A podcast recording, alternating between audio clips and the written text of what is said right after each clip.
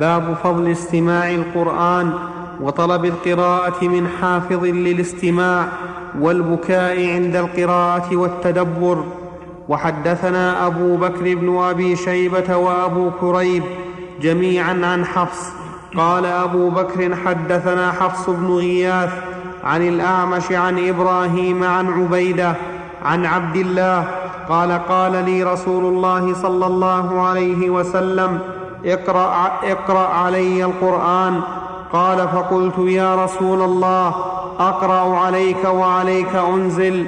قال إني أشتهي أن أسمعه من غيري.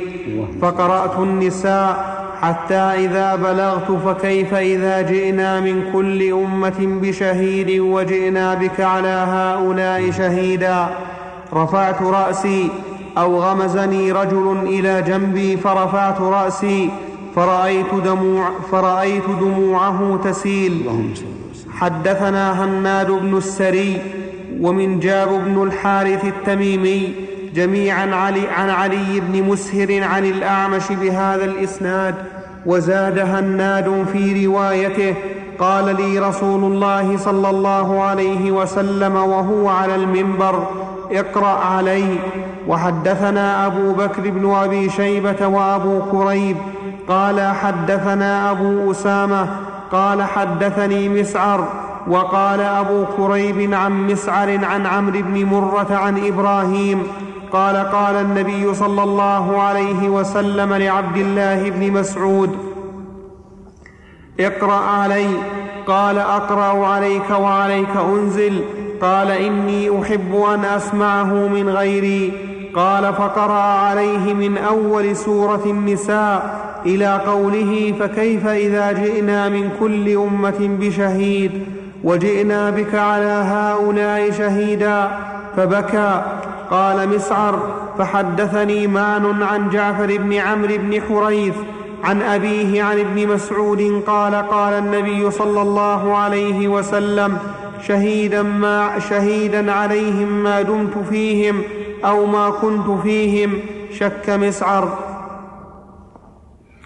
هذا أيضا فيه دليل على جواز طلب القراءة ممن من المفضول.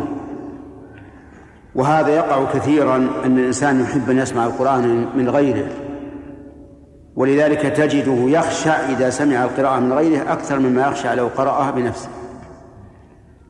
فطلب النبي عليه الصلاة والسلام من عبد الله بن مسعود أن يقرأ عليه فقال أقرأ عليك وعليك أنزل والجملة هنا استفهامية والتقدير أقرأ عليك والاستفهام هنا للتعجب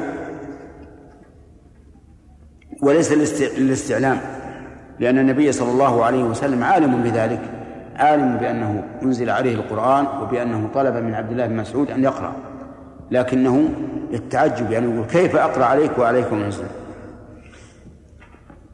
فبين الرسول عليه الصلاة والسلام الحكمة من ذلك أنه يشتهي أو يحب أن يسمعه من غيره. فقرأ عليه من سورة النساء حتى وصل إلى هذه الآية فكيف إذا جئنا من كل أمة بشهيد وجئنا بك على هؤلاء شهيد؟ والإنسان الذي يتصور هذا المشهد لا شك أنه يلحقه الرعب والخوف ولهذا بكى النبي عليه الصلاة والسلام. لكنه عليه الصلاة والسلام اعتذر قال شهيدا ما دمت فيهم. شهيدا ما دمت فيهم كما قال عيسى عليه الصلاة والسلام وكنت شهيدا عليهم ما دمت فيهم. فلما توفيتني كنت أنت الرقيب عليهم وأنت على كل شيء شهيد. وكيف هنا استفهام للتفخيم والتعظيم؟ يعني فما أعظم الحال حينئذ؟ إذا جئنا من كل أمة بشهيد وأن تصور كل أمة جاثية كل أمة إلى كتابها كل أمة يدعى شهداؤها. تصور الحال حال حال عظيمة. الشاهد إن هذا يدل على جواز طلب القراءة ممن هو دون الطالب. وفيه أيضا دليل على أن الإنسان إذا قال للقارئ انتهى انتهت القراءة أو حسبك أو يكفي أو ما أشبه ذلك فلا بأس به. ولا يعد هذا زهدا في القرآن. بل الإنسان له حالات. ولهذا قال النبي عليه الصلاة والسلام حسبك فوقف عبد الله بن مسعود. ومن ذلك لو كان الإنسان يستمع إلى شريط مسجل فيه القرآن ثم أراد أن يلهو بشغل آخر وسكر آه، الشريط فلا بأس. ولا يقال إن هذا زهد في القرآن أو رغبة عنه لأن كل مقام له مقال. نعم. حدثنا عس الشريط إذا كان يشتغل القرآن أحيانا يريد أن ينهي التشغيل فيكون في منتصف الآية. ينهي إيش؟ يعني يريد أن يغلق المسجل نعم. فيكون قارئ في منتصف الآية. نعم. يجوز أن يغلقه قبل إنهاء الآية؟ ما في مانع. حتى الوقوف أيضا يجوز ان أن يقف ولو قبل انتهاء الآية إلا إذا كان آخرها يتعلق بأولها فينبغي أن يكمل. نعم هل يقال يا شيخ انه يستدل بهذا؟ أرفع يدك اللي يسال الآن يرفع يده. طيب. هل يقال يا شيخ أنه أن الإنسان لا يقول صدق الله العظيم عند نهاية القراءة؟ إي نعم. هذا يدل على أنه لا يقول صدق الله العظيم عند انتهاء القراءة. وهذه الكلمة محدثة ما كان الناس يفعلونها. لكنها أحدثت الله والله أعلم من القراء المتأخرين. ولهذا لا ينبغي للإنسان أن يقولها بل هي بدعة. وقد احتج بعض الناس بقول الله تعالى قل صدق الله. وهذا احتجاج غريب يدل على جهل المحتج به. لأن لأن الله لم يقل قل صدق الله إذا انتهيت من القرآن. لكن قل صدق الله يعني فيما بعثه فيما بعثه به من الرسالة وبما أخبر به من أمور الغيب وغيرها. ولا بأس للإنسان إذا إذا رأى شيئا شهد له القرآن أن يقول صدق الله كما قال النبي عليه الصلاة والسلام حين حمل ابني يعني ابني بنته الحسن والحسين فقال صدق الله إنما أموالكم وأولادكم فتنة. نعم. بارك الله فيك شيخ. ما معنى أن يكون الرسول عليه الصلاة والسلام شهيدا يعني على يشهد على أمته بأنه بلغهم الرسالة؟ بأنه بلغهم الرسالة وأدى الأمانة وقامت عليهم الحجة فلا عذر لهم. الله عليك يا شيخ. هل يتعبد الشيخ باستماع لتلاوة القرآن من المسجلات يا شيخ؟ لا لا يتعبد كالتعبد من استماعها من قارئ لكنها تفيد الإنسان. يثاب عليها بما حصل له بما حصل عنده من الخشوع والتلذذ بالقراءة. وآداب المستمع يا شيخ للتلاوة من من الشريط فهل يعني لا يتحدث مع صاحبه والله هذا هو الأظهر احتراما للقرآن. يعني ولهذا نرى من الخطأ أن بعض المحلات الذين يحبون أن بعض المحلات الذين يحبون الخير يجعلون فيها مسجل يقرأ القرآن. نعم. هذا غلط. لأن في هذا امتهان للقرآن بلا شك. هذا يبيع ويماكس ويحلف على الكذب أو ما أشبه ذلك أو ربما يدخل أحد من يشرب الدخان والقرآن يتلى هذا غلط. وفي أيضا ناس بالعكس يجعلون موسيقى خفيفة. نعم هذا أيضا غلط. إيه نعم. أربعة. أربعة. حدثنا عثمان بن أبي شيبة قال حدثنا جرير عن الأعمش عن إبراهيم عن علقمة عن عبد الله قال كنت بحمص فقال لي بعض القوم اقرأ علينا فقرأت عليهم سورة يوسف قال فقال رجل من القوم والله ما هكذا أنزلت قال قلت ويحك والله لقد, قرأ لقد قرأتها على رسول الله صلى الله عليه وسلم فقال لي أحسنت فبينما أنا أكلمه إذ وجدت منه ريح الخمر قال فقلت أتشرب الخمر وتكذب بالكتاب؟ لا تبرح حتى أجلدك قال فجلدته الحد. وحدثنا إسحاق بن إبراهيم وعلي بن خشرم قال أخبرنا عيسى بن يونس حاء وحدثنا أبو بكر بن أبي شيبة وأبو كريب قال حدثنا أبو معاوية جميعا عن الأعمش بهذا الإسناد وليس في حديث أبي معاوية فقال لي أحسنت. هذا أيضا فيه دليل على أنه يخطأ من أخطأ في القرآن ويبين له يبين له الأصل. وفيه أيضا شاهد للباب حيث قال إني قرأتها على رسول الله صلى الله عليه وسلم. كما قرأ عليه من؟ عبد الله بن مسعود. وعبد الله بن مسعود هذا يقول إنه لما قرأها وقال هكذا قرأتها على رسول الله صلى الله عليه وسلم قال له هذا الرجل أحسنت. وكان بالأول يرد عليه وينكر عليه لكنه سكران. والسكران يهدي ويقول كلام وينقضه.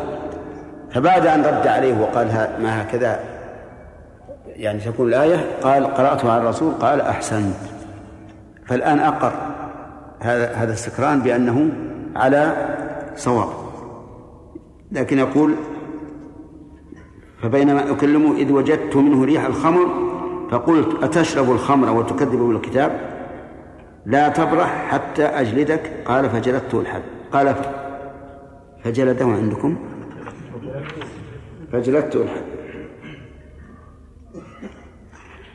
في هذا دليل على أن من وجدت منه رائحة الخمر فإنه يقام عليه الحد. وهذه المسألة مسألة اختلف فيها العلماء. إذا وجدت منه الرائحة أو تقيأها فهل يجلد أو لا؟ فقال بعض العلماء إنه لا يجلد لاحتمال أنه شربها خطأ لا لا يعرف أنها خمر أو أنه أكره على شربها أو ما أشبه ذلك. والحدود تدرى بالشبهات. وقال آخرون بل يحد ما لم يدعي شبهة. الرجل هل ادعى شبهة؟ ولا ولا سكت مقرا؟ سكت مقرا. طيب. سكت مقرا. ولذلك جلده والصواب أنه يقام عليه الحد برائحتها وبتقيؤها إلا إذا ادعى إيش؟ شبهة بأن قال إنه شربها مخطئا أو يظنها شرابا مباحا أو قال إنه أجبر على ذلك فهنا يرفع عنه. وفيه أيضا دليل على أن كلام السكران لا حكم له على أن كلام السكران لا حكم له. حتى ولو كان ردة. لأن ابن مسعود رضي الله عنه إنما جلده لشرب الخمر لا لكونه كذب بالكتاب. وهو إنما كذب بالكتاب حال سكره وعلى هذا فأقوال السكران لا عبرة بها. سواء ما يتعلق بالعبادات أو بالمعاملات بالأحوال الشخصية أو بغيرها. وبناء على ذلك لو أن السكران أقر قال في ذمتي لفلان ألف ريال. فهل يثبت ذلك؟ له لا. أقر السكران بأنه وقف جميع ما يملك. يؤخذ بإقراره؟ لا. طلق السكران زوجته. نعم. لا يؤخذ. قال السكران زوجت بنتي فلانا. وكان فلان حاضرا فقال قبلت. نعم. ينعقد؟ ما ينعقد. لأن جميع أقوال السكران لا يؤاخذ بها. ودليل هذا هذا الذي هذا الأثر. وفي قوله فجلده الحد. فيها إشكالان. الإشكال الأول كيف ساغ لابن مسعود أن يجلد أن يجلده؟ هل كان له ولاية؟ نعم. إنه لا, لا يمكن أن يقيم أحد الحد إلا إلا إلا الوالي فإما أن يكون له ولاية خاصة بمعنى أن أن ولي الكوفة جعل ابن مسعود إقامة الحدود أو له ولاية عامة بأن كان أميرا وهذا يرجع فيه إلى التاريخ. في حمص هذا. نعم بحمص. بحمص نعم. بحمص إما أن يكون له ولاية خاصة بأن قال له ولي الأمر هناك أقم الحدود أو أنها ولاية عامة نيابة عن أميرها أو استقلالا. وهذا يرجع إلى التاريخ. الإشكال الثاني قوله جلده الحد. فإن ظاهره أن عقوبة شارب الخمر حد وهذا هو المشهور عند جماهير العلماء أن العقوبة حد لكن هل هل هو أربعون أو ثمانون؟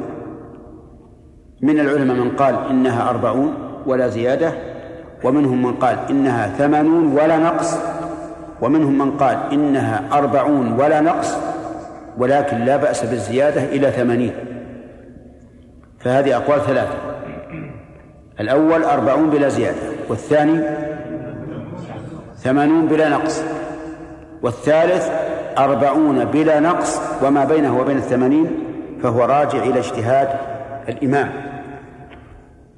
والصحيح أن عقوبة شارب الخمر ليست حدا وإنما هي عقوبة ودليل ذلك أن شارب الخمر في عهد الرسول عليه الصلاة والسلام يؤتى به فيضرب بالجريد والنعال والرداء وما أشبه ذلك. بدون أن يقف ولي الأمر على الجلدة ويحدد لهم لكن نحو أربعين. هذا هذا دليل. الدليل الثاني أن عمر رضي الله عنه لما رأى أن الناس كثر شربهم إياها جمع الصحابة والمراد بهم أهل الشورى الذين لهم الرأي واستشارهم. فقال عبد الرحمن بن عوف رضي الله عنه يا أمير المؤمنين أخف الحدود ثمانون. أخف الحدود ثمانون. فرفع عمر رضي الله عنه العقوبة إلى ثمانين. والدلالة من هذا من وجهين الوجه الأول أنهم قالوا أخف الحدود ثمانون ولو كان حد شارب الخمر حدا لكان أحد أخف الحدود أربعين. ثانيا أنه لو كانت عقوبة شارب الخمر بأربعين حدا لم يسغ لعمر ولا لغير عمر أن يزيد عليها. بدليل أنه لو فرض أن الزنا كثر في الناس هل نرفع عقوبة الزاني غير المحصن إلى مئتين؟ لا لا نرفعها فالصواب أن عقوبة شارب الخمر تعزير يرجع إلى رأي الإمام. ولكن قد يقول قائل إنه تعزير لا يجوز أن يقل عن أربعين. لا يجوز أن يقل عن أربعين لأن الرسول عليه الصلاة والسلام حد شارب الخمر في عهده نحو أربعين. ولأن النقص عن أربعين ربما يؤدي إلى تهاون الناس بها حتى يشربوها على وجه كثير. نعم.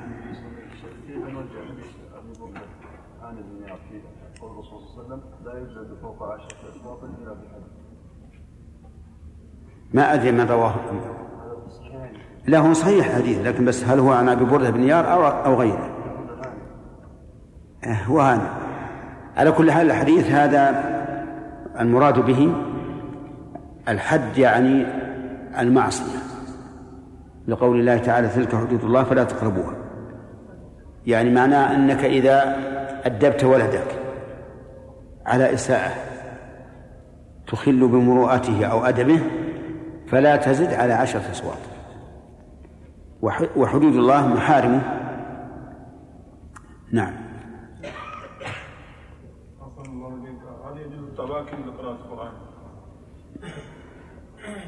أما البكاء الذي يرد على النفس بدون تكلف فهذا طيب. وكلما كان الإنسان أكثر حضورا في قلبه فإنه يسرع إليه البكاء. والغالب أن الذي يقرأ مع غافلة لا لا يبكي. وأما التباكي الذي يصطنعه بعض الناس تجده إماما ثم يصطنع البكاء نعم فهذا مذموم. لأن خشية الله هي ما, ما كان من أثر القلب. أما الاصطناع الذي يفعله بعض الناس وربما يصرخ ويرفع الصوت بالقراءة رفعا فاحشا. فهذا لا, لا, لا عبرة به. نعم.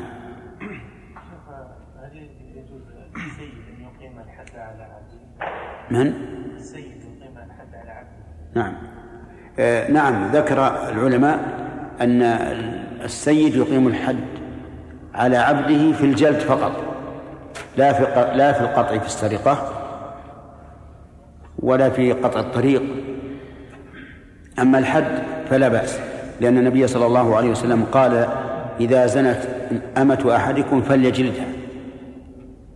فأمر السيد أن يجلدها دل ذلك على أن السيد له أن يقيم الحد على عبده شيخ هل يتعارض مثلا إقامة الحد على إنسان بالجلد مع تعزيره مثلا بأكثر من الحد مثلا بألف جلدة أو كذا توزع له فترة هذا إذا قلنا بأنه تعزير وأنه يرجع إلى رأي الإمام قلنا لا بأس يجد أكثر من من ثمانين جلدة موزعة. لكن الغالب أن الذين يحكمون بأكثر من ثمانين جلدة موزعة الغالب أن هذا الشارب له سوابق. أو لواحق سوابق يعني مثل قد شرب الخمر عدة مرات أو أو لواحق بأنه لما شرب الخمر أفسد شيئا من أموال الناس أو اعتدى على عرض أحد أو ما أشبه. أربعة؟ طيب. هذا يا شيخ آه، عندكم أحسنت مرة ولا مرتين؟ أحسنت مرة. مرة؟ نعم.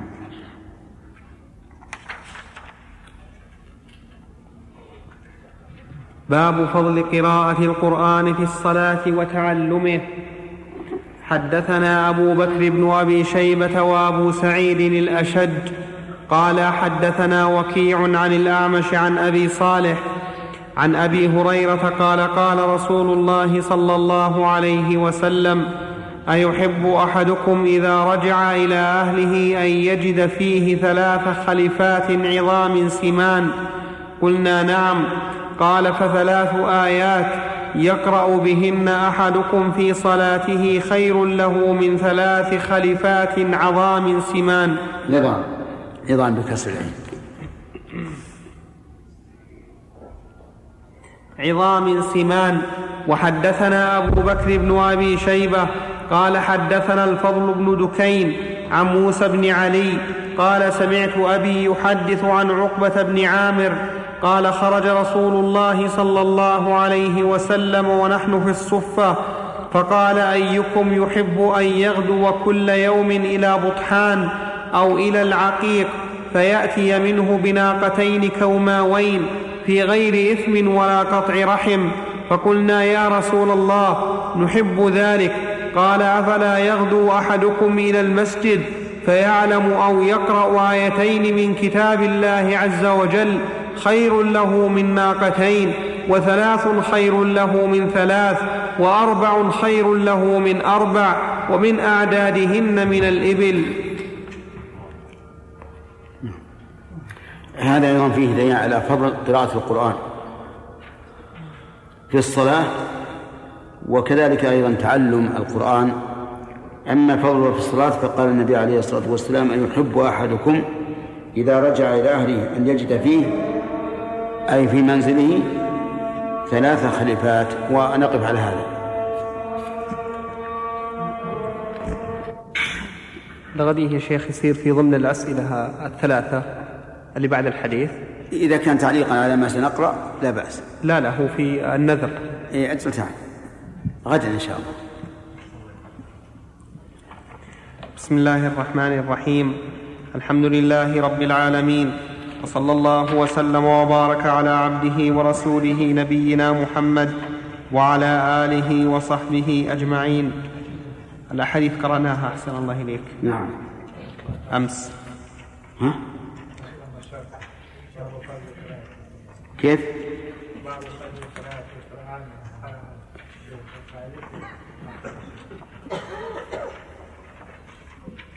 ما في ما ما في شيء. أعيد القراءة يا شيخ. لا أقول ما في شيء. التعليق. لا لأنه أحسن الله إليك. لما قرأتها أمس انتهى إيه. الوقت فقلتم التعليق غدا. أحاديث ثلاثة في باب فضل قراءة القرآن في الصلاة وتعلمه. طيب تعيده لا بأس. عادي نشوف تيسر. قال الإمام مسلم رحمه الله تعالى في صحيحه في كتاب صلاة المسافرين وقصرها باب فضل قراءة القرآن في الصلاة وتعلمه. حدثنا أبو بكر بن أبي شيبة وأبو سعيد الأشج قال حدثنا وكيع عن الأعمش عن أبي صالح عن أبي هريرة قال قال رسول الله صلى الله عليه وسلم أيحب أحدكم إذا رجع إلى أهله أن يجد فيه ثلاث خلفات عظام سمان قلنا نعم قال فثلاث آيات يقرأ بهن أحدكم في صلاته خير له من ثلاث خلفات من ثلاث خلفات عظام سمان. وحدثنا أبو بكر بن أبي شيبة قال حدثنا الفضل بن دكين عن موسى بن علي قال سمعت أبي يحدث عن عقبة بن عامر قال خرج رسول الله صلى الله عليه وسلم ونحن في الصفة فقال أيكم يحب أن يغدو كل يوم إلى بطحان أو إلى العقيق؟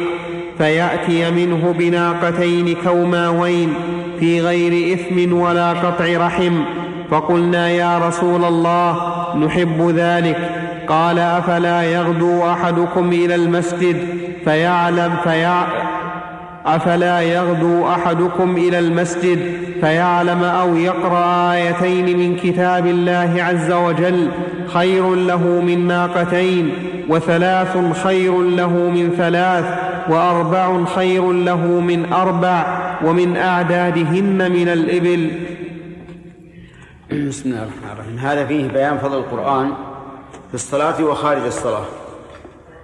أما في الصلاة فقال النبي صلى الله عليه وسلم ثلاث آيات يقرأ بهن أحدكم في صلاته خير له من ثلاث خليفات عظام سمان.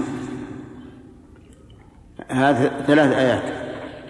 خير من خليفات ثلاث سمان والخلفة هي التي خلفت ولدها. يعني التي معها ولد. وأما العظام والسمان فواضح معناها. وهذا يدل على فضل القرآن خاصة في الصلاة.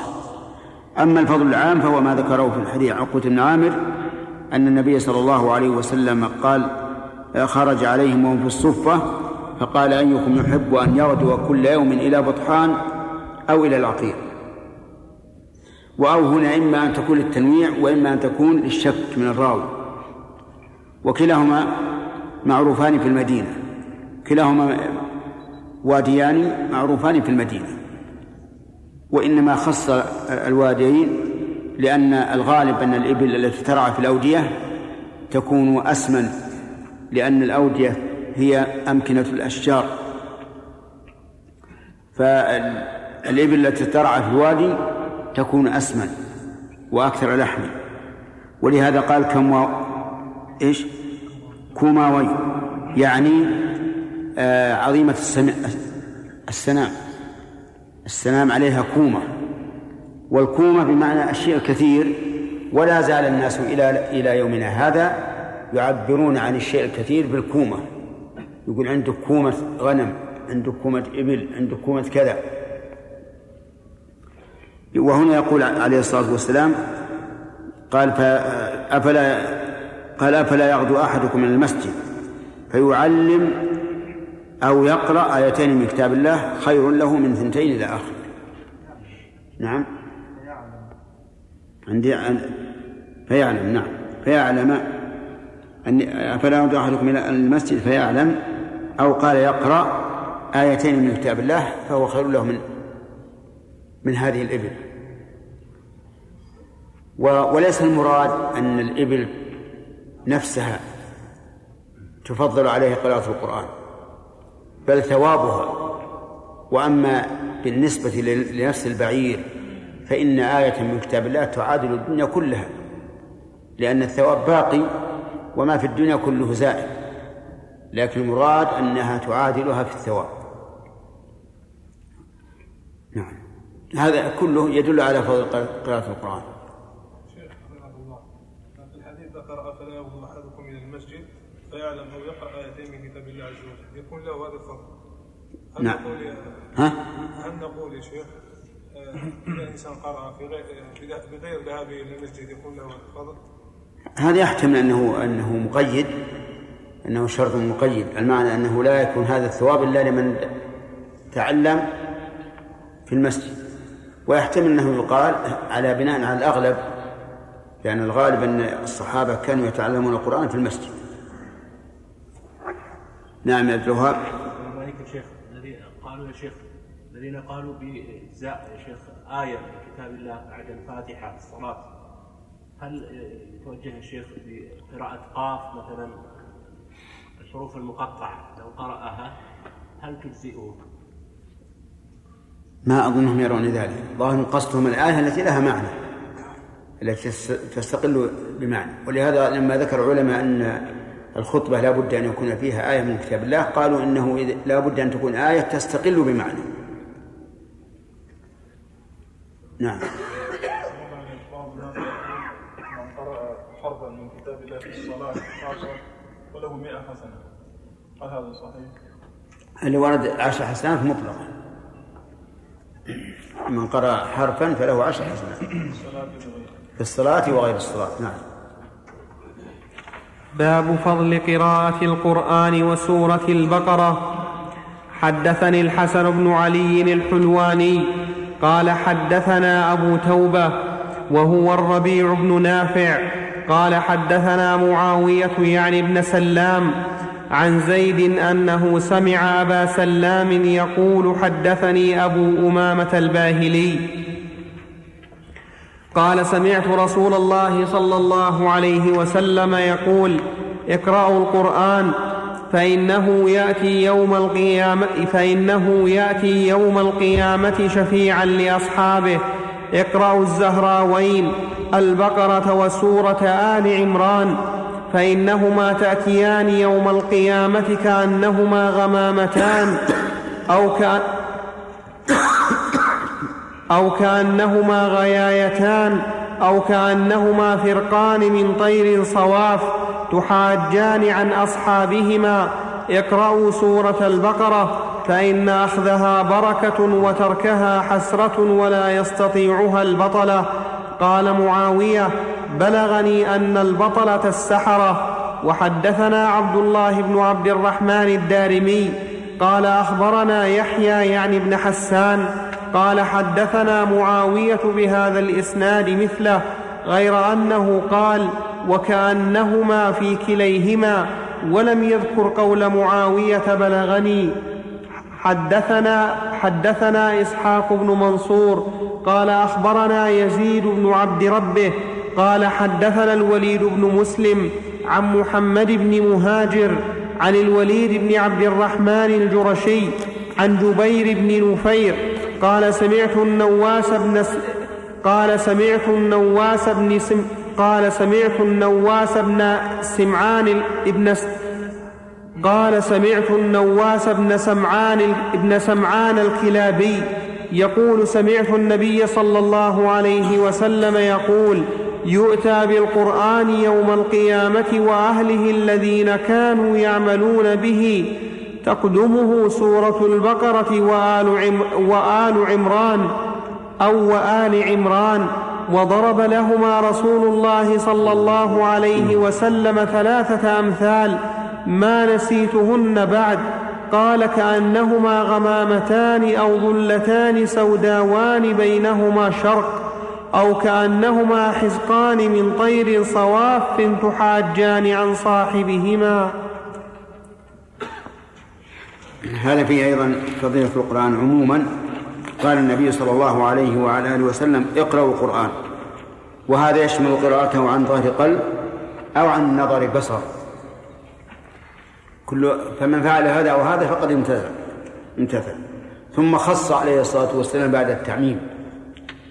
فقال اقرأوا آه نعم اقرأوا القرآن فإنه يأتي يوم القيامة شفيعا لأصحابه. فإنه يأتي يوم القيامة شفيعا لأصحابه. أشكل هذا على بعض الناس وقالوا كيف يأتي القرآن وهو كلام الله شفيعا لأصحابه يوم القيامة؟ وهذا يقتضي أن يكون جسما يدافع والجواب لا إشكال لأن أمر الآخرة لا يقاس بأمر الدنيا. فكما أن الله تعالى يجعل الموت وهو معنى من المعاني الذي هو فراق الحياة يجعله يوم القيامة على صورة كبش يتابع بين الجنة والنار ويقال لأهل النار هل تعرفون هذا وكذلك لأهل الجنة؟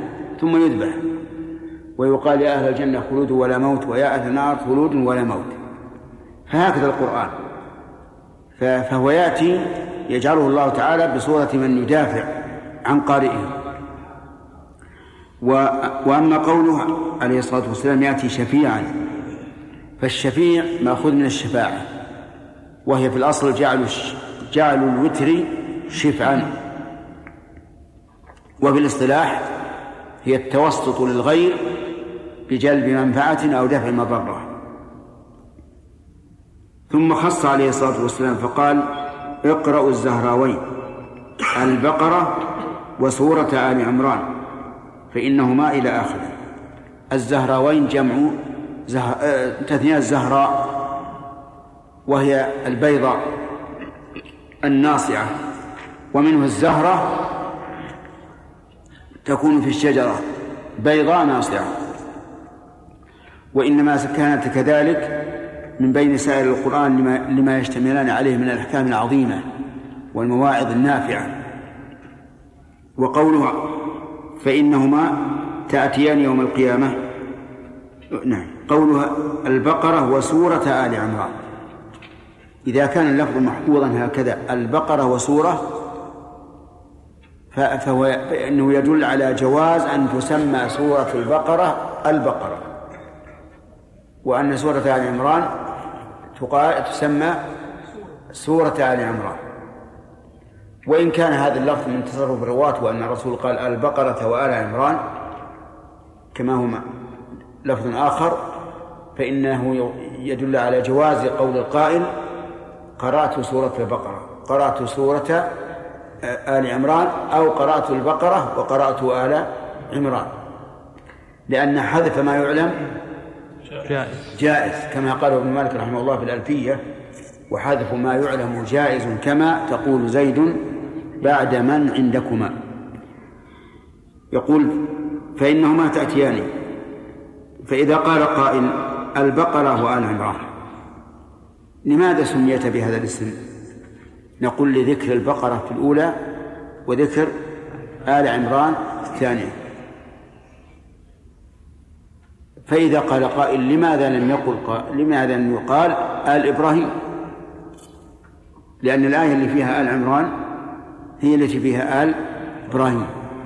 قلنا التسمية لا يشترط فيها تمام تمام المناسبة. التسمية تكون لأدنى ملابسة. ولذلك تجدون المزدلفة تسمى جمعا وعرفة لا تسمى جمعا. مع الناس يجتمعون في عرفة وفي وفي مزدلفة. زد على ذلك يجتمعون في منى أيضا. أكثر من اجتماعهم في المزدلفة. يبقون فيها ثلاثة أيام. ولا تسمى منى جمعا. بل تسمى منى لكثرة ما يراق فيها من الدماء. فالتسمية يقول العلماء إنها تكون لأدنى لأدنى ملابسة. نعم. وقوله كأنه تأتي نعم. فإنهما تأتيان يوم القيامة. كأنهما غمامتان. أو كأنهما غيايتان. أو كأنهما فرقان من طين صواب ثلاثة أمثلة ضرب الرسول عليه الصلاة والسلام. غمامتان والغمام هو السحاب المعروف وقيده بعضهم بكونه أبيض لأن الغمام الأبيض أبرد من الغمام الأسود كما هو معروف. و وأما غايتان فهي الظلة تغشى الإنسان سواء على شكل غمامة أو على غير ذلك. وأما الفرقان من طين صواف فالفرقان يعني الطائفتين من الطيور. والطائفة من الطيور المجتمعة تسمى فرقا تسمى فرقا. والمعنى أنهما يأتيان كأنهما فرقان من الطير واحد لآل عمران وواحد للبقرة. كان نعم تحاجان عن أصحابهما. فذكر في سورة البقرة وآل عمران وآل عمران فائدتين. أولا إضلال القارئ وثانيا المحاجة. أما سائر القرآن فقال إنه يأتي شفيعا لأصحابه والشفاعة دون المحاجة دون المحاجة في القوة لأن الشفيع إنما يتوسط للمشفوع له بدون المحاجة عنه لكن المحاج يكون أبلغ في الدفاع عنه. فتميز سورة البقرة إذن عن سائر القرآن البقرة والعمران تميزتا عن سائر القرآن بثلاثة أمور. الأول المحاجة والثاني الظل والثالث الشفاعة. الشفاعة نعم لجميع شارك بقية القرآن. نعم يقول ثم قال عليه الصلاة والسلام اقرأوا سورة البقرة. هنا جاءت كلمة سورة وفي الأول حذفت لكني أقول قد يكون اللفظ المحفوظ عن الرسول عليه الصلاة والسلام. هو هذا أو أن هذا من تصرف الرواة. والأمر في هذا واسع. اقرأوا سورة البقرة. فإن أخذها بركة وتركها حسرة أخذها يعني قراءتها والعمل بها. بركة. وهذا كلام من رسول الله صلى الله عليه وسلم حق لا شك فيه. ولهذا إذا أكثر الإنسان من قراءة البقرة فإن الله تعالى ينزل له البركة في جميع أعماله لكن مع العمل بما فيها. وتركها حسرة. تركها يعني الصد عنها وعدم قراءتها أو عدم العمل بها. ولا تستطيعها البطلة يعني السحرة. فهي تدفع عن الإنسان السحر لأن السحرة لا يستطيعون إذ أن السحرة من الشياطين. وقد قال الله تعالى في سورة البقرة تحدث سبحانه وتعالى عن السحرة وقال وما هم بضارين به من أحد إلا بإذن الله. فلهذا من قرأ البقرة بإخلاص وإيمان فإنه لا لا لا يقدر عليه السحرة أما الحديث الذي بعده حديث النواس بن سمعان يقول يؤتى بالقرآن يوم القيامة وأهله وأهله الذين كانوا إيش؟ يعملون به. تقدمه سورة البقرة وآل, وآل عمران. انتبه لقوله أهله الذين يعملون به. ليس أهله الذين يكثرون تلاوته. التلاوة وسيلة والغاية هي العمل, العمل. ولهذا وصف النبي عليه الصلاة والسلام أهله بأنهم الذين يعملون به.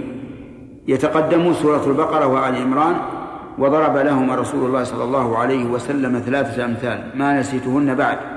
قال كأنهما غممتان أو ظلتان. الظلتان ما هما؟ الغيايتان. الغيايتان في الحديث الذي قبله. لكن يقول سوداوان بينهما شرق. أو إيش؟ شرق. شرق أو شرق. شرق أو شرق مأخوذ من الشروق. شروق الشمس. أي بينهما نور ساطع يفصل بينهما.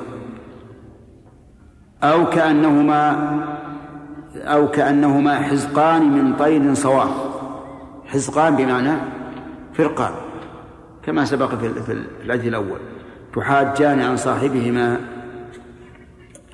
نعم. شيخ أحسن الله إليك.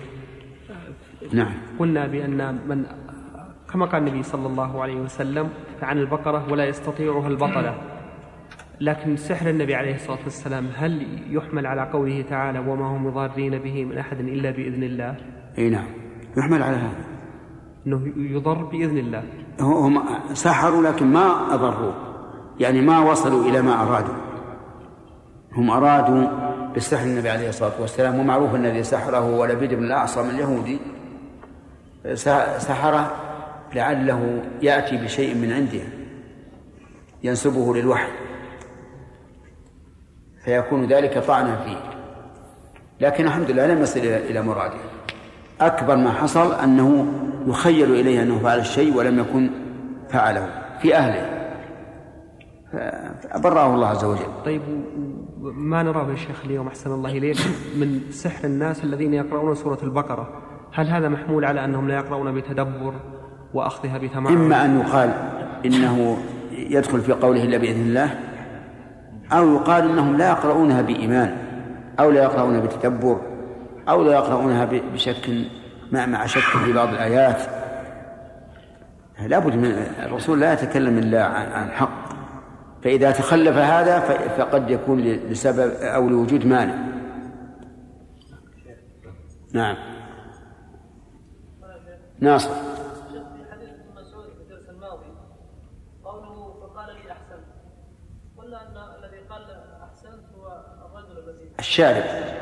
حديث لا لا. هو الشارب نعم. أي نعم. هناك من يقول أن يجب لكي يعني تخرج هذه الصفة اللي هي غيمتين لمن يحفظ هذه السورتين على ظهر قلب فهل تشمل في ظاهر النص اقرأ إنه عام سواء عن ظهر قلب أو عن بصر لا يحفظها شيخ كثير من نفس المفرعات نعم. طيب. ثلاثة؟ أربعة هذا هذا مسلم أربعة.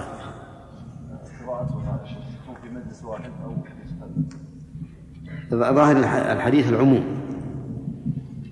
يعني سواء في مجلس واحد أو مجالس.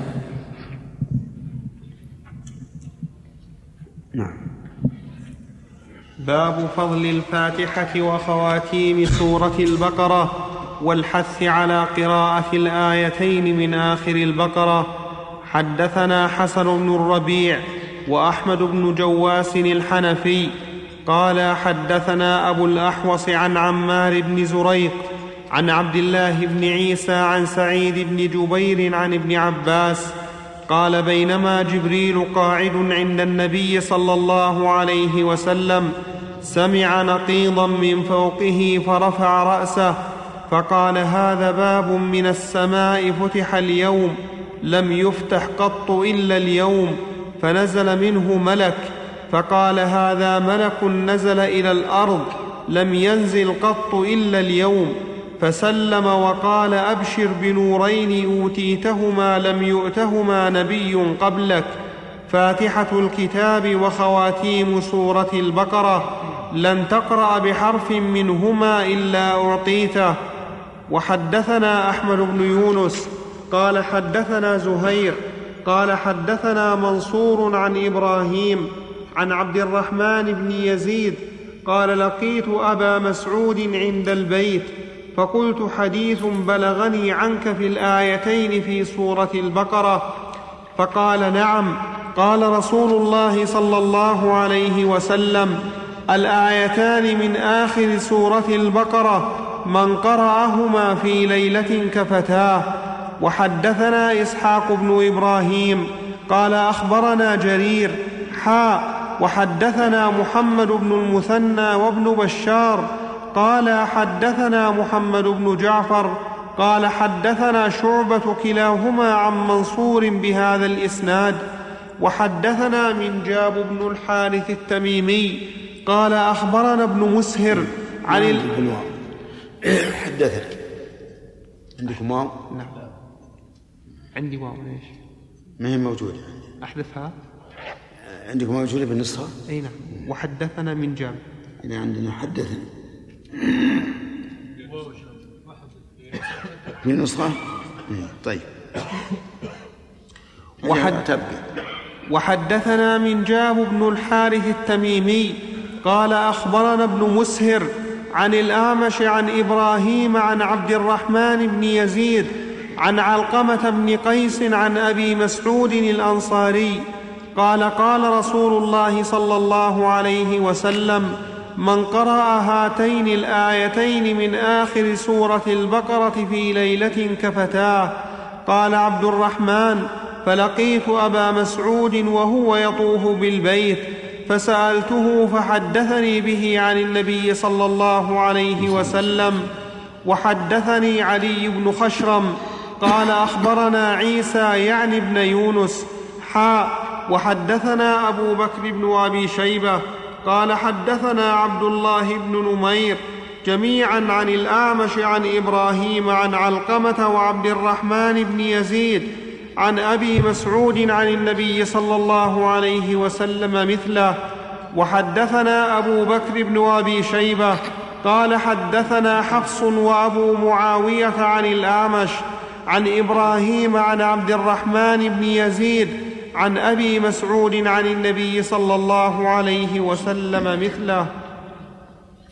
هذا أيضا من فضائل آخر سورة البقرة ما جاء في هذا الحديث. يقول ابن عباس رضي الله عنهما بينما جبريل قاعد عند النبي صلى الله عليه وسلم سمع نقيضا من فوقه فرفع رأسه. في هذه الجملة إثبات القعود للملائكة وهو دليل على أن الملائكة أجسام وليسوا كما قال بعض المعاصرين عقولا أو قوى الخير. والشياطين قوى الشر بل هم أجسام. وقد قال الله تبارك وتعالى جاعل الملائكة رسلا أولي أجنحة. يقول سمع نقيضا من فوقه فرفع رأسه. من الذي رفع رأسه؟ جبريل. جبريل. فقال هذا باب من السماء. فتح اليوم لم يفتح قط إلا اليوم. فنزل منه ملك فقال هذا ملك نزل إلى الأرض لم ينزل قط إلا اليوم فسلم. يعني سلم على النبي صلى الله عليه وعلى آله وسلم وعلى جبريل. وقال أبشر بنورين أوتيتهما. البشارة هي الإخبار بما يسر. وينبغي للإنسان إذا وقع ما يسر عاما كان أو خاصا أن يخبر إخوانه ويبشرهم به. كما قال تعالى فبشرناه بغلام عليم. فبشرناه بغلام حليم. وما و وما أشبه ذلك. وكذلك كاب مالك قال أبشر بخير يوم مر عليك منذ ولادتك أمك فالإخبار بما يسر من جنس الفأل الذي كان كان يعجب النبي صلى الله عليه وعلى آله وسلم. ينبغي الإنسان إذا حصل شيء يسر أن يبشر إخوانه. سواء كان عاما أم خاصا. لم يؤتهما نبي قبلك. وهذا من خصائص النبي عليه الصلاة والسلام وخصائصه كثيرة. وأما ما جاء في حديث جابر أعطيت خمسا لم يعطهن أحد من الأنبياء قبلي فليس هذا على سبيل الحصر. بل هو على سبيل المثال. فالرسول له خصائص كثيرة. ويمكن بالتتبع تحصر. يقول الأولى فاتحة الكتاب وخواتيم سورة البقرة. لن تقرأ بحرف منهما إلا أعطيته. يقوله الملك. والملك لا يقول هذا من عنده قطعا. بل هو بأمر الله عز وجل. في في سورة الفاتحة دعاء من قوله إياك نعبد وإياك نستعين فإن إياك نستعين دعاء إلى آخر السورة فإذا قرأ الإنسان الفاتحة بإخلاص.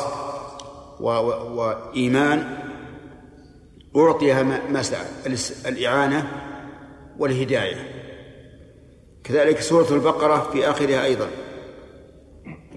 مثل لا يكلف الله نفسا الا وسعها لها ما كسبت وعليها ما اكتسبت. ربنا لا تؤاخذنا إن نسينا وأخطأنا. قال الله تعالى قد فعلت. ربنا ولا تحمل علينا اصرا كما حملته على الذين من قبلنا. ربنا ولا تحملنا ما لا طاقة لنا به. واعف عنا واغفر لنا وارحمنا. أنت مولانا فانصرنا على القوم الكافرين. وهذا من من فضل سورة الفاتحة وآخر سورة البقرة. أما الحديث الثاني حديث أبي مسعود رضي الله عنه أن النبي صلى الله عليه وسلم قال الآيتان من آخر سورة البقرة من قرأهما في ليلة كفتاه. ففيه دليل على فضيلة الآيتين. من من قوله آمن الرسول بما أنزل إليه من ربه والمؤمنون كل آمن بالله وملائكته وكتبه ورسله لا نفرق بين أحد من رسله. وقالوا سمعنا وأطعنا غفرانك ربنا وإليك المصير. ثم لا يكلف الله نفسا إلا وسعها. وقوله من قرأهما في ليلة كفتاه أي كفتاه الشر وما يسوءه. وليس المعنى كفتاه عن قيام الليل كما ظنه بعضهم بل المعنى كفتاه عن الشر والسوء. وفي هذا الحديث دليل على جواز الكلام في الطواف والسؤال عن العلم. لكن هذا إذا إذا كان الإنسان في حاجة فليسأل الطائف. أما إذا لم يكن في حاجة أو كان له حاجة يمكن أن يؤخر السؤال عنها إلى ما بعد طواف المسؤول فالأولى أن لا يشغله عن طوافه لأن الطواف من العبادات الخاصة. ولولا أن الله أباح فيه الكلام لكان الكلام محرما. فالإنسان لا ينبغي له أن يلجئ الطائف فيشغله عن عن طوافه. بل إن كان هناك حاجة لا يمكن تأخيرها إلى ما بعد الطواف فلا بأس. وإلا فالأفضل والأولى أن لا يشغل أن لا يشغله عن ذلك. نعم. خلينا نقول إن المراد خواتيم في مراد في آخر سورة البقرة؟ لا لا الآيتين فقط. نعم يمكن ان نقول جزاك الله عليه ان من الملائكه من أيضا جاء بوحي سوى جبريل إيش؟ من الملائكة. من جاء بالوحي سوى جبريل أيضا.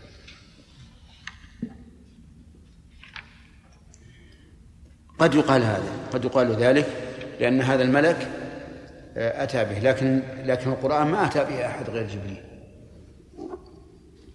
نعم الله عنك يا شيخ قول الملك ابشر بنورين وجدهما لهما نبي قبله معلوم ان النبي صلى الله عليه وسلم اتي القران باكمله نعم. ويعني الفاتحة وخواتيم سوره البقرة أيضا من القرآن. نعم. ف- هذه زيادة هذه زيادة. هذا نور زائد. وإلا فقد قال الله تعالى وأنزلنا إليكم نورا مبينا. لكن هذا نور زائد عن عما في القرآن الباب السابق في فضل سورة البقرة وآل عمران ذكر النبي صلى الله عليه وسلم أنه هو المراد به الحث عليه على تلاوته وحفظه أو المراد به التكرار من التلاوة يشمل هذا وهذا. والحفظ أفضل من التكرار من تكرار القراءة. يعني لو قال قائل أنا أريد أن أقرأ البقرة بالبصر وأكررها عشر مرات أو أحفظها ولكنني لا أقرأ إلا إلا بعضها لا أحفظ إلا بعضها ثم أكمل. قلنا الثاني أولى. الثاني أولى. اللهم إلا إذا كان في رمضان فقد يقال إن تكميل الحرص على تكميل القرآن أحسن لأن النبي صلى الله عليه وسلم كان يعرضه على جبريل كاملا. نعم. أربعة؟ طيب. باب فضل سورة الكهف وآية الكرسي. وحدثنا محمد بن المثنى قال حدثنا معاذ بن هشام قال حدثني أبي عن قتادة عن سالم بن أبي الجعد الغطفاني عن معدان بن أبي طلحة اليعمري عن أبي الدرداء أن النبي صلى الله عليه وسلم قال من حفظ عشر آيات من أول سورة الكهف عصم من الدجال وحدثنا محمد بن المثنى وابن بشار قال حدثنا محمد بن جعفر قال حدثنا شعبة حاء وحدثني زهير بن حرب قال حدثنا عبد الرحمن بن مهدي قال حدثنا همام جميعا عن قتاد عن قتادة بهذا الإسناد قال شعبة من آخر الكهف وقال همام من أول الكهف كما قال هشام حدثنا أبو بكر بن أبي شيبة قال حدثنا عبد الأعلى بن عبد الأعلى عن, الجر عن الجريري عن أبي السليل عن عبد الله بن رباح الأنصاري عن أبي بن كعب قال قال رسول الله صلى الله عليه وسلم يا أبا المنذر أتدري أي آية من كتاب الله معك أعظم؟ قال قلت الله ورسوله أعلم. قال يا أبا المنذر أتدري أي آية من كتاب الله معك أعظم؟ قال قلت الله لا إله إلا هو الحي القيوم. قال فضرب في صدري وقال والله ليهنك العلم أبا المنذر. والله. والله ليهنك العلم أبا المنذر. نقف على هذا.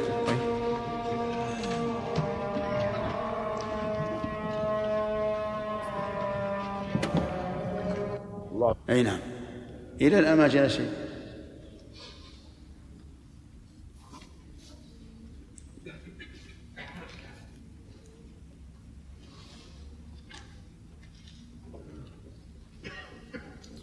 بسم بالله بسم الله الرحمن الرحيم. الحمد لله رب العالمين. وصلى الله وسلم وبارك على عبده ورسوله نبينا محمد. وعلى آله وصحبه أجمعين. أما بعد فقد قال الإمام مسلم رحمه الله تعالى في صحيحه في كتاب صلاة المسافرين وقصرها باب فضل قراءة قل هو الله أحد. وحدثني زهير بن حرب ومحمد بن بشار في فيما سبق من حديث من قرأ عشر آيات من أوائل سورة الكهف واللفظ الثاني من أواخرها. تكلم عليه المؤلف الشارح. آه، باب فضل سورة الكهف وآية الكرسي. قوله صلى الله عليه وسلم من حفظ عشر آيات من أول سورة الكهف عصم من الدجال. وفي رواية من آخر الكهف قيل سبب ذلك ما في أولها من العجائب والآيات فمن تدبرها لم يفتتن بالدجال. وكذا في آخرها قوله تعالى أفحسب الذين كفروا أن يتخذوا فقط. ها؟ فقط. لم يزد على هذا. يعني من كذا؟ من قوله تعالى أفحسب. أي نعم. فقط. ثم ظاهر الحديث الذي ساقه مسلم أن من حفظ هذه الآيات عصم منه. وفي حديث حديث آخر من أدركه فليقرأ عليه فواتح سورة الكهف. وظاهره أن الإنسان يقرأ على الدجال نفسه. يرفع صوته ويقرأ عليه حتى يعني يهرب. فما هو منتهى عشر آيات من أول الكهف؟ من معه المصحف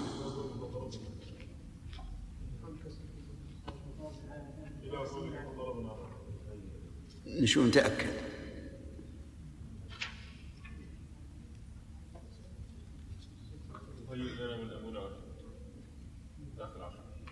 آخر عشرة يعني فضربنا ليست معه كما قال يحيى. طيب ومن آخرها؟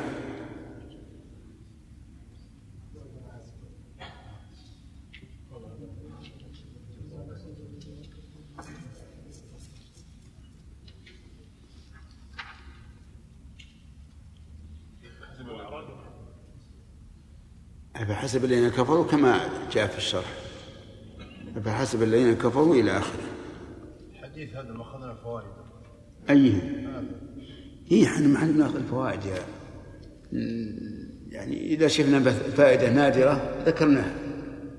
ولا ما هو كل الفوائد؟ بس دخلنا بالباب الإباحة لا يمكن القارئ ما فهم.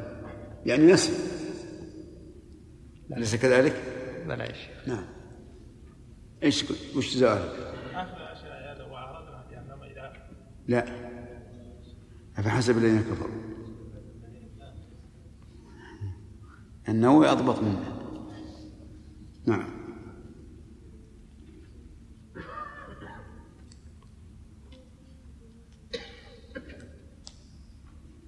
وفي حديث أيضا أبي بن كعب أن الرسول عليه الصلاة والسلام قال له ليهنك العلم حيث إنه رضي الله عنه قال أعظم آية هي آية الكرسي. ووجه ذلك أن هذه الآية فيها صفات من صفات الله كل الصفات لأن قوله تعالى الحي القيوم تتضمن جميع الصفات. ولهذا ذهب بعض أهل العلم وورد فيه حديث أن الحي القيوم هو الاسم الأعظم الذي إذا دعي الله به أجاب وإذا سئل به أعطى. فلننظر إلى إلى الآية الكريمة. الله لا إله إلا هو هذه فيها انفراد الله تعالى بالألوهية. لا إله إلا هو. والألوهية هو التوحيد الذي دعت إليه الرسل. كما قال تعالى وما أرسلنا من قبلك من رسول إلا نوحي إليه أنه لا إله إلا أنا فاعبدون. وهو وهو لازم لزوما لا محيد عنه لكل من أقر بتوحيد الربوبية. فإن من أقر بتوحيد الربوبية لزمه أن يقر بتوحيد الألوهية ولهذا يستدل الله تعالى بإقرار هؤلاء المشركين الذين يشركون بالألوهية دائما يحتج عليهم بإقرارهم بالربوبية. وقوله الحي القيوم الحي هذه اسم من أسماء الله محلا بأل فيقتضي أنه ذو حياة كاملة. لم تسبق بعدم ولا يحقها فناء متضمنة لجميع كمال الصفات. الحي وهو وصف لازم لله عز وجل. والقيوم يعني ذو القيامة على على عباده. كما قال تعالى أفمن هو قائم على كل نفس بما كسبت. وهو وهو تعالى قائم بنفسه. فهو قائم بنفسه قائم على غيره. والقيوم على وزن فيعول فهو صفة مشبهة ثابتة لله عز وجل. وبهذين الاسمين المتضمنين للصفات العظيمة يتبين قدر عظم آية الكرسي. ثم قال لا تأخذه سنة ولا نوم. أي لا يمكن أن ينام ولا أن تأخذه السنة كما قال النبي صلى الله عليه وعلى آله وسلم إن الله لا ينام ولا ينبغي له أن ينام سبحانه وتعالى. وذلك لأن النوم صفة نقص. لا لا يعتري لا يعتري إلا من هو ناقص الحياة لأنه يحتاج في النوم إلى إزالة إلى رفع التعب السابق وتجديد القوة اللاحقة فهو دليل على النقص. ولهذا كان أهل الجنة لا ينامون. وسمى الله تعالى النوم وفاة وهذا دليل على نقص النوم ولهذا ينزه الله عنه. فإذا قال قائل أليس من القاعدة المقررة أن الله تعالى لا يوصف بالنفي؟ قلنا بلى. إن الله لا يوصف بالنفي المجرد لكن كل نفي وصف الله به نفسه فهو يعني كمال ضده. فهو لا ينام لا تأخذه سنة ولا نوم لكمال حياته وكمال قيوميته. لكمال حياته لا يحتاج إلى نوم لأنه كامل الحياة. وقيوميته لأنه لو نام وحاشاه جل وعلا من ذلك من يدبر الخلائق؟ فهو جل وعلا لا ينام ولا تأخذه السنة أيضا وهي مقدمة النوم. له ما في السماوات وما في الأرض هذا فيه عموم ملكه واختصاصه بهذا العموم. أما العموم فلأن ملك مفرد مضاف فيكون للعموم وأما الاختصاص فهو حاصل بتقديم الخبر له ما في السماوات وما في الأرض. وما هذه كما هو معروف اسم موصول يفيد العموم. ففيها تمام الملك عموم الملك واختصاص الله به. العموم من ما الاسم الموصول والثاني من تقديم الخبر. له ما في السماوات وما في الأرض. من ذا الذي يشفع عنده إلا بإذنه. هذه فيها الجملة كمال السلطان. لكمال سلطانه لا أحد يتكلم ولا بما فيه الخير عند الله إلا بإذن الله. ولذلك كلما كان الإنسان محترما في المجلس تجد أهل المجلس سكوت. لا يتكلمون إلا حيث تكلم. كما قال الشاعر يغضي حياء ويغضى من مهابته فلا يكلم إلا حين يبتسم. فالماء في المجلس كلما كان فيه ذو سلطان فإنك تجد عليه الهيبة وعدم الكلام. فالرب عز وجل هو ملك الملوك وأعظم الملوك سلطانا فلا يشفع أحد عنده إلا بإذنه جل وعلا إذا أذن. ومن المعلوم أنه لا يأذن إلا بشرطين. الشرط الأول رضاه عن الشافع والثاني رضاه عن المشفوع له. كما قال الله تعالى ولا يشفعون إلا لمن ارتضى وقال تعالى يومئذ لا تنفع الشفاعة إلا من أذن له الرحمن ورضي له قولا ولهذا نجد أن الأنبياء عليهم الصلاة والسلام إذا طلبت منهم الشفاعة يوم القيامة يستحيون أن يشفعوا لعظم الرب عز وجل في نفوسهم. فهم يخشون أن تكون هذه الأشياء التي أن تكون هذه الأشياء التي اعتذروا بها عن الشفاعة مانعا لهم من قبول شفاعتهم. من ذا الذي يشفع عنده إلا بإذنه؟ لكمال غلط لكمال سلطانه. لا أحد يتكلم ولا مما فيه الخير للغير إلا بإذن الله ولا إذن إلا بشرطين. هما رضا الله عن الشافع ورضاه عن المشفوع له. يعلم ما بين أيديهم وما خلفهم هذا فيه سعة العلم. لأن كل شيء فهو إما بين أيدينا وإما خلفنا.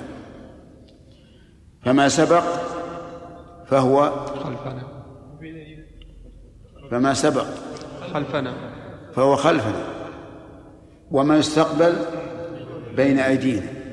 وفي هذا عموم علم الله تعالى بكل شيء. ولا يحيطون بشيء من علمه إلا بما شاء. هذه الجملة فيها أيضا لما ذكر عموم علم الله أبان جل وعلا نقص علم غير الله. فقال ولا يحيطون بشيء من علمه إلا بما شاء. وكلمة من علمه قيل المعنى من علمهم إياه. ولا يحيطون بشيء من علمهم إياه. وقيل إن المعنى مما يعلمه. إلا بما شاء. فعلى الأول يكون المعنى أننا لا نحيط بشيء من أسماء الله وصفاته إلا بما شاء. وعلى الثاني لا نحيط بشيء من معلومات الله إلا بما شاء. والآية تحتمل معنيين جميعا وكلاهما صحيح ولا ينافي أحدهما الآخر فتحمل عليهما جميعا. وسع كرسيه السماوات والأرض. هذا بيان لعظمه لعظمته جل وعلا وكبريائه وأنه وسع كرسيه السماوات والأرض. والمراد بالكرسي هنا موضع القدمين كما جاء عن ابن عباس رضي الله عنهما. موضع قدمي الرب عز وجل. وليس هو وليس هو العرش. وليس هو العلم. كما قيل به لأن هذا ضعيف. أما القول بأنه وسع علمه السماوات والأرض فيقال هذا يغني عنه قوله يعلم ما في السماوات وما في الأرض. وأما كونه العرش فلأن الأدلة دلت على أن العرش غير الكرسي. فيكون الكرسي مخلوقا آخر. وسع السماوات والأرض كلها على سعتها وعظمها الكرسي محيط بها. واسع لها كما تقول وسع الإناء ما فيه من الطعام. أي أن الإناء أكبر وأوسع مما فيه من الإناء. فالكرسي نعم مما فيه من الطعام. فالكرسي وسع السماوات والأرض. العرش أعظم من الكرسي بكثير. كما جاء في الحديث ما السماوات السبع والأرض من السبع في الكرسي إلا كفلات كحلقة ألقيت في فلات. حلقة الدرع تلقى في فلاة من الأرض. ما نسبتها إلى الفلاة لا شيء. لا شيء. وإن فضل العرش على الكرسي كفضل الفلاة على هذه الحلقة. الله أكبر. مخلوقات عظيمة ما ندركها. والرب عز وجل فوق ذلك. ولا تمكن الإحاطة به سبحانه وتعالى. وسع كرسي السماوات والأرض ولا يؤوده حفظهما. يؤوده أي يثقله ويكرثه ويتعبه. حفظهما أي حفظ السماوات والأرض.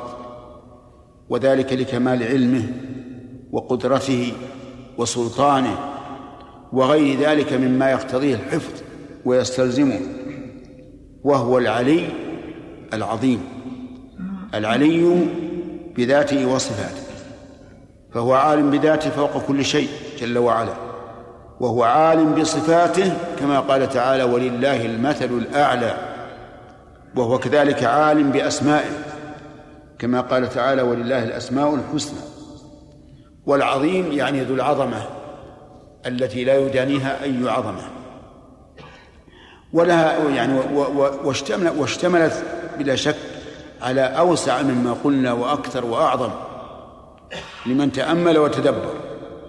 ولهذا كانت هذه الآية الكريمة أعظم آية في كتاب الله. أعظم آية في كتاب الله هي آية الكرسي. لا يوجد مثلها آية. ف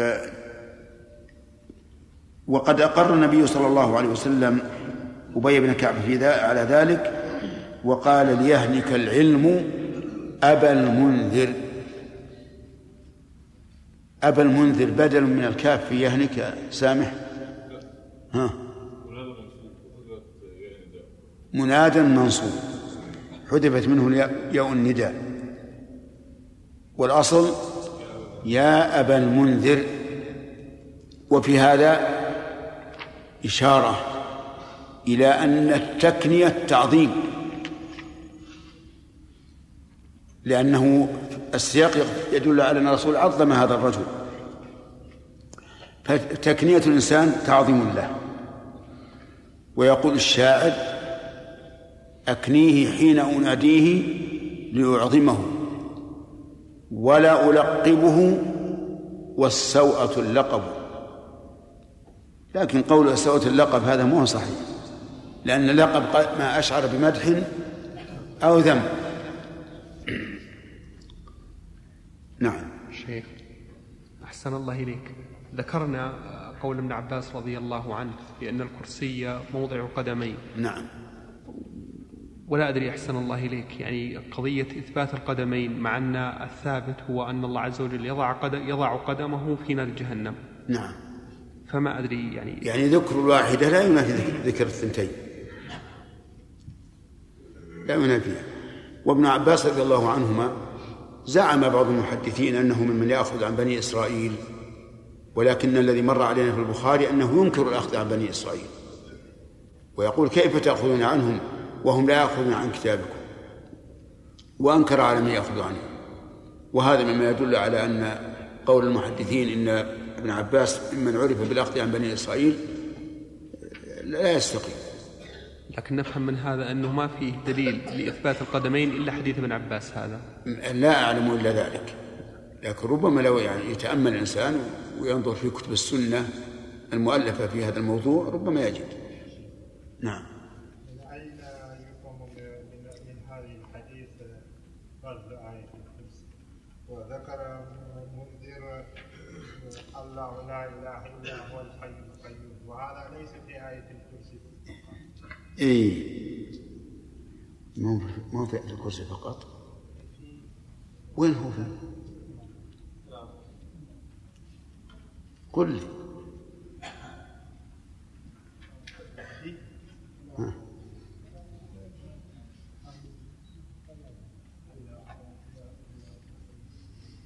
هو يجيب هو يجيب. لا, لا تجيبه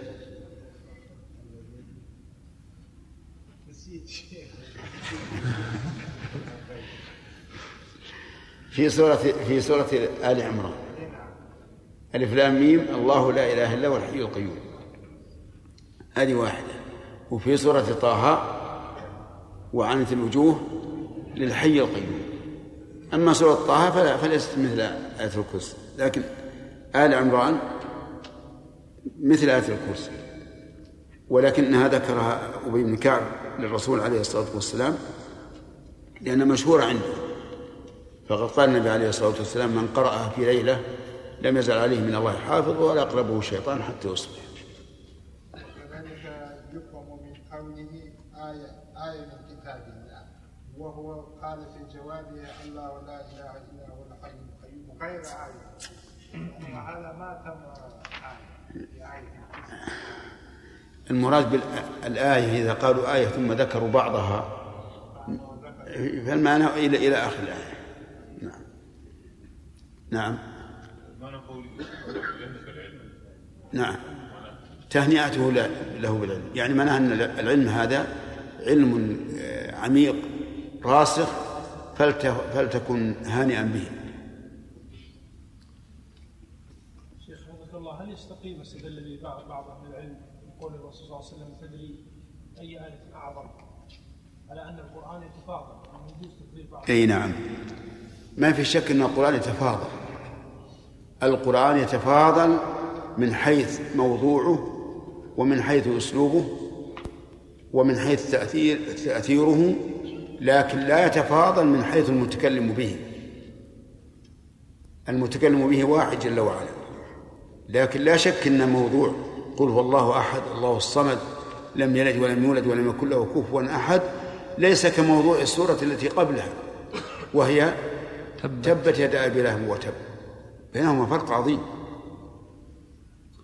فالقرآن يتفاضل من حيث الموضوع والأسلوب والتأثير ولكنه لا يتفاضل من حيث إيش؟ المتكلم به فإنه واحد. باب فضل أخذنا قراءة أربعة. أربعة. نعم. باب فضل قراءة قل هو الله أحد. وحدثني زهير بن حرب ومحمد بن بشار. قال زهير حدثنا يحيى بن سعيد عن شعبة عن قتادة عن سالم بن أبي الجعد عن معدان بن أبي طلحة عن أبي الدرداء عن النبي صلى الله عليه وسلم قال أيعجز أحدكم أن يقرأ في ليلة ثلث القرآن قالوا وكيف يقرأ ثلث القرآن؟ قال قل هو الله أحد تعدل ثلث القرآن. وحدثنا إسحاق بن إبراهيم قال أخبرنا محمد بن بكر قال حدثنا سعيد بن أبي عروبة حاء وحدثنا أبو بكر بن أبي شيبة قال حدثنا عفان قال حدثنا أبان العطار جميعا عن قتادة بهذا الإسناد وفي حديثهما من قول النبي صلى الله عليه وسلم قال إن الله جزأ القرآن ثلاثة أجزاء فجعل قل هو الله أحد جزءا من أجزاء القرآن. وحدثني محمد بن حاتم ويعقوب بن إبراهيم جميعا عن يحيى قال قال ابن حاتم حدثنا يحيى بن سعيد قال حدثنا يزيد بن كيسان قال حدثنا أبو حازم عن أبي هريرة قال قال رسول الله صلى الله عليه وسلم احشدوا فإني سأقرأ عليكم ثلث القرآن فحشد من حشد ثم خرج نبي الله صلى الله عليه وسلم فقرأ قل هو الله أحد ثم دخل فقال بعضنا لبعض إني أرى هذا خبر جاءه من السماء فذاك الذي أدخله. ثم خرج نبي الله صلى الله عليه وسلم فقال إني قلت لكم سأقرأ عليكم ثلث القرآن ألا إنها تعدل ثلث القرآن؟ وحدثنا واصل بن عبد الأعلى قال حدثنا ابن فضيل عن بشير أبي إسماعيل عن أبي حازم عن أبي هريرة قال خرج إلينا رسول الله صلى الله عليه وسلم فقال أقرأ عليكم ثلث القرآن فقرأ قل هو الله أحد الله الصمد حتى ختمها. حدثنا أحمد بن عبد الرحمن بن وهب قال حدثنا عمي عبد الله بن وهب حد قال حدثنا عمرو بن الحارث عن سعيد بن أبي هلال أن أبا الرجال محمد بن عبد الرحمن حدثه عن أمه عمرة بنت عبد الرحمن وكان في حجر عائشة كانت. وكانت في حجر عائشة زوج النبي صلى الله عليه وسلم عن عائشة أن رسول الله صلى الله عليه وسلم بعث رجلا على سرية وكان يقرأ لأصحابه في صلاتهم فيختم بقل هو الله أحد. فلما رجعوا ذكر ذلك لرسول الله صلى الله عليه وسلم فقال سلوه لأي شيء يصنع ذلك. فسألوه فقال لأنها صفة الرحمن فأنا أحب أن أقرأ بها. فقال رسول الله صلى الله عليه وسلم أخبروه أن الله يحبه. في هذه الأحاديث بيان فضل سورة قل الله أحد وتسمى سورة الإخلاص. إما لأن الله أخلصها لنفسه وإما لأنها تخلص قارئها من الشرك. أفلا يجوز أن نقول الامرين نعم. بلى هي للأمرين. أخلصها الله لنفسه فلم يذكر فيها شيئا يتعلق بغير صفاته. وهي تخلص قارئها من الشرك لأن فيها تمام التوحيد لأن فيها تمام التوحيد. فهي تعدل ثلث القرآن بالنص الصريح. وفي قول عليه الصلاة والسلام يعجز أحدكم أن يقرأ ثلث القرآن؟ يعني في ليلة قالوا وكيف يقرأ؟ فيه إشارة إلى أنه ليس من عادتهم أن يقرأوا كثيرا في الليل يعني إلى نصل إلى ثلث القرآن. لكن قد ورد عن بعض الصحابة وبعض السلف أنهم كانوا يقرؤون القرآن كله في تهجدهم إما في ركعة واحدة أو في أكثر. إنما القراءة المعتادة الغالبة أن لا تصل إلى هذا الحد. وفي قوله عليه الصلاة والسلام قل هو الله أحد تعديل ثلث القرآن.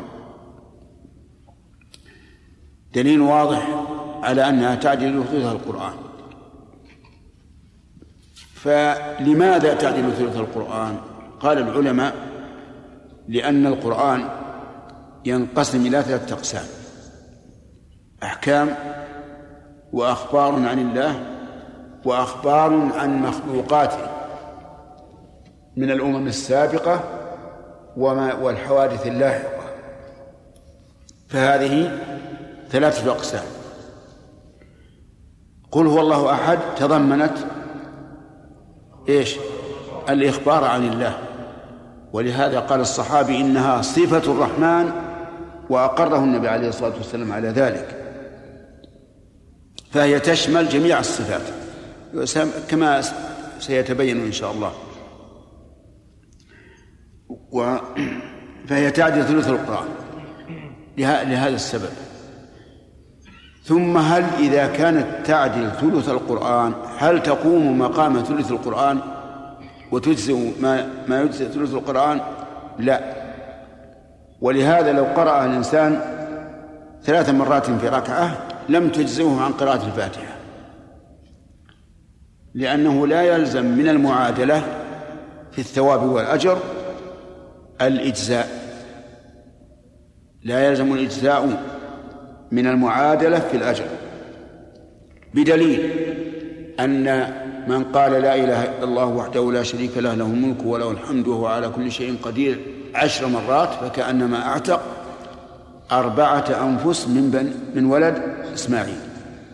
ولو كان على الإنسان رقبة واحدة فقال هذا الذكر عشر مرات لم يجزه عن عن الرقبة الواحدة فضلا عن عن الأربع وهذا دليل على أن ما يعادل في الثواب لا يجزئ عن المعادل. الآية الكريمة بل السورة الكريمة قال الله تعالى قل هو الله أحد قل لمن؟ قيل للمشركين. قل يا محمد معلوم الخطاب للمحمد لكن لمن يقول؟ قيل للمشركين. لأنهم قالوا الرسول عليه الصلاة والسلام صف لنا ربك أهو من حديد أو ذهب أو فضة أو ما أشبه ذلك لأنهم لا يعرفون من الآلهة إلا ما نحتوه من الأصنام من حجر أو خشب أو ما أشبه ذلك. فأنزل الله هذه الآية. أو قل لليهود الذين قالوا انسب لنا ربك. إلى من ينتسب؟ فقال الله تعالى قل هو الله أحد. فهو فقل أي لمن كان من المشركين أو من اليهود أو من غيرهم. هو الله أحد. قيل إن هو ضمير المسؤول عنه. هو ضمير المسؤول عنه. أي قل لمن سأل. هو أي الذي تسألون عنه الله. أحد. والله تكون خبر المبتدأ. وأحد الخبر الثاني. وأحد بمعنى المتوحد في كل شيء. فهو واحد في ربوبيته وواحد في ألوهيته وواحد في أسمائه وصفاته. الله الصمد أيضا جملة اسمية مكونة م... نعم جملة اسمية من مبتدأ وخبر. الله الصمد وتفيد الحصر لتعريف طرفيها. فما معنى الصمد؟ أجمع ما قيل فيه أنه الكامل في صفاته الذي تصمد إليه جميع مخلوقاته أي تلجأ إليه وتحتاج إليه. وهذا بمعنى قول ابن عباس هو الكامل في علمه الكامل في سؤدده إلى آخره. نقول هو الكامل في صفاته الذي تصمد إليه جميع مخلوقاته جميع مخلوقاته مفتقرة إليه في الإيجاد والإعداد والإمداد. من الذي أوجدها؟ ومن الذي أعدها لما خلقت له؟ الله. أعطى كل شيء خلقه ثم هدى. ومن الذي أمدها؟ الله عز وجل. فجميع المخلوقات تصمد إلى الله تعالى. لم يلد رد رد على الذين ادعوا أن له ولدا كالمشركين الذي الذين قالوا الملائكة بنات الله والنصارى الذين قالوا المسيح ابن الله واليهود الذين. واليهود الذين قالوا عزير ابن الله فهو لم يلد ولا يمكن أن يولد أن يلد عز وجل لأن الولادة إنما تكون للناقص من أجل أن يبقى نوع نوعه الإنسان ناقص ولولا التوالد إيش؟ ما بقي. ولهذا في الجنة لا يتوالد لا يتوالدون لأنهم في غنى عن ذلك إذ أنهم مخلدون أبدا وأبد أبد الآبدين. فهو لم يلد. ولو ولو ولد له ولد لاحتاج إلى زوجة. ومعلوم أن الله لا زوجة له منزها عن ذلك.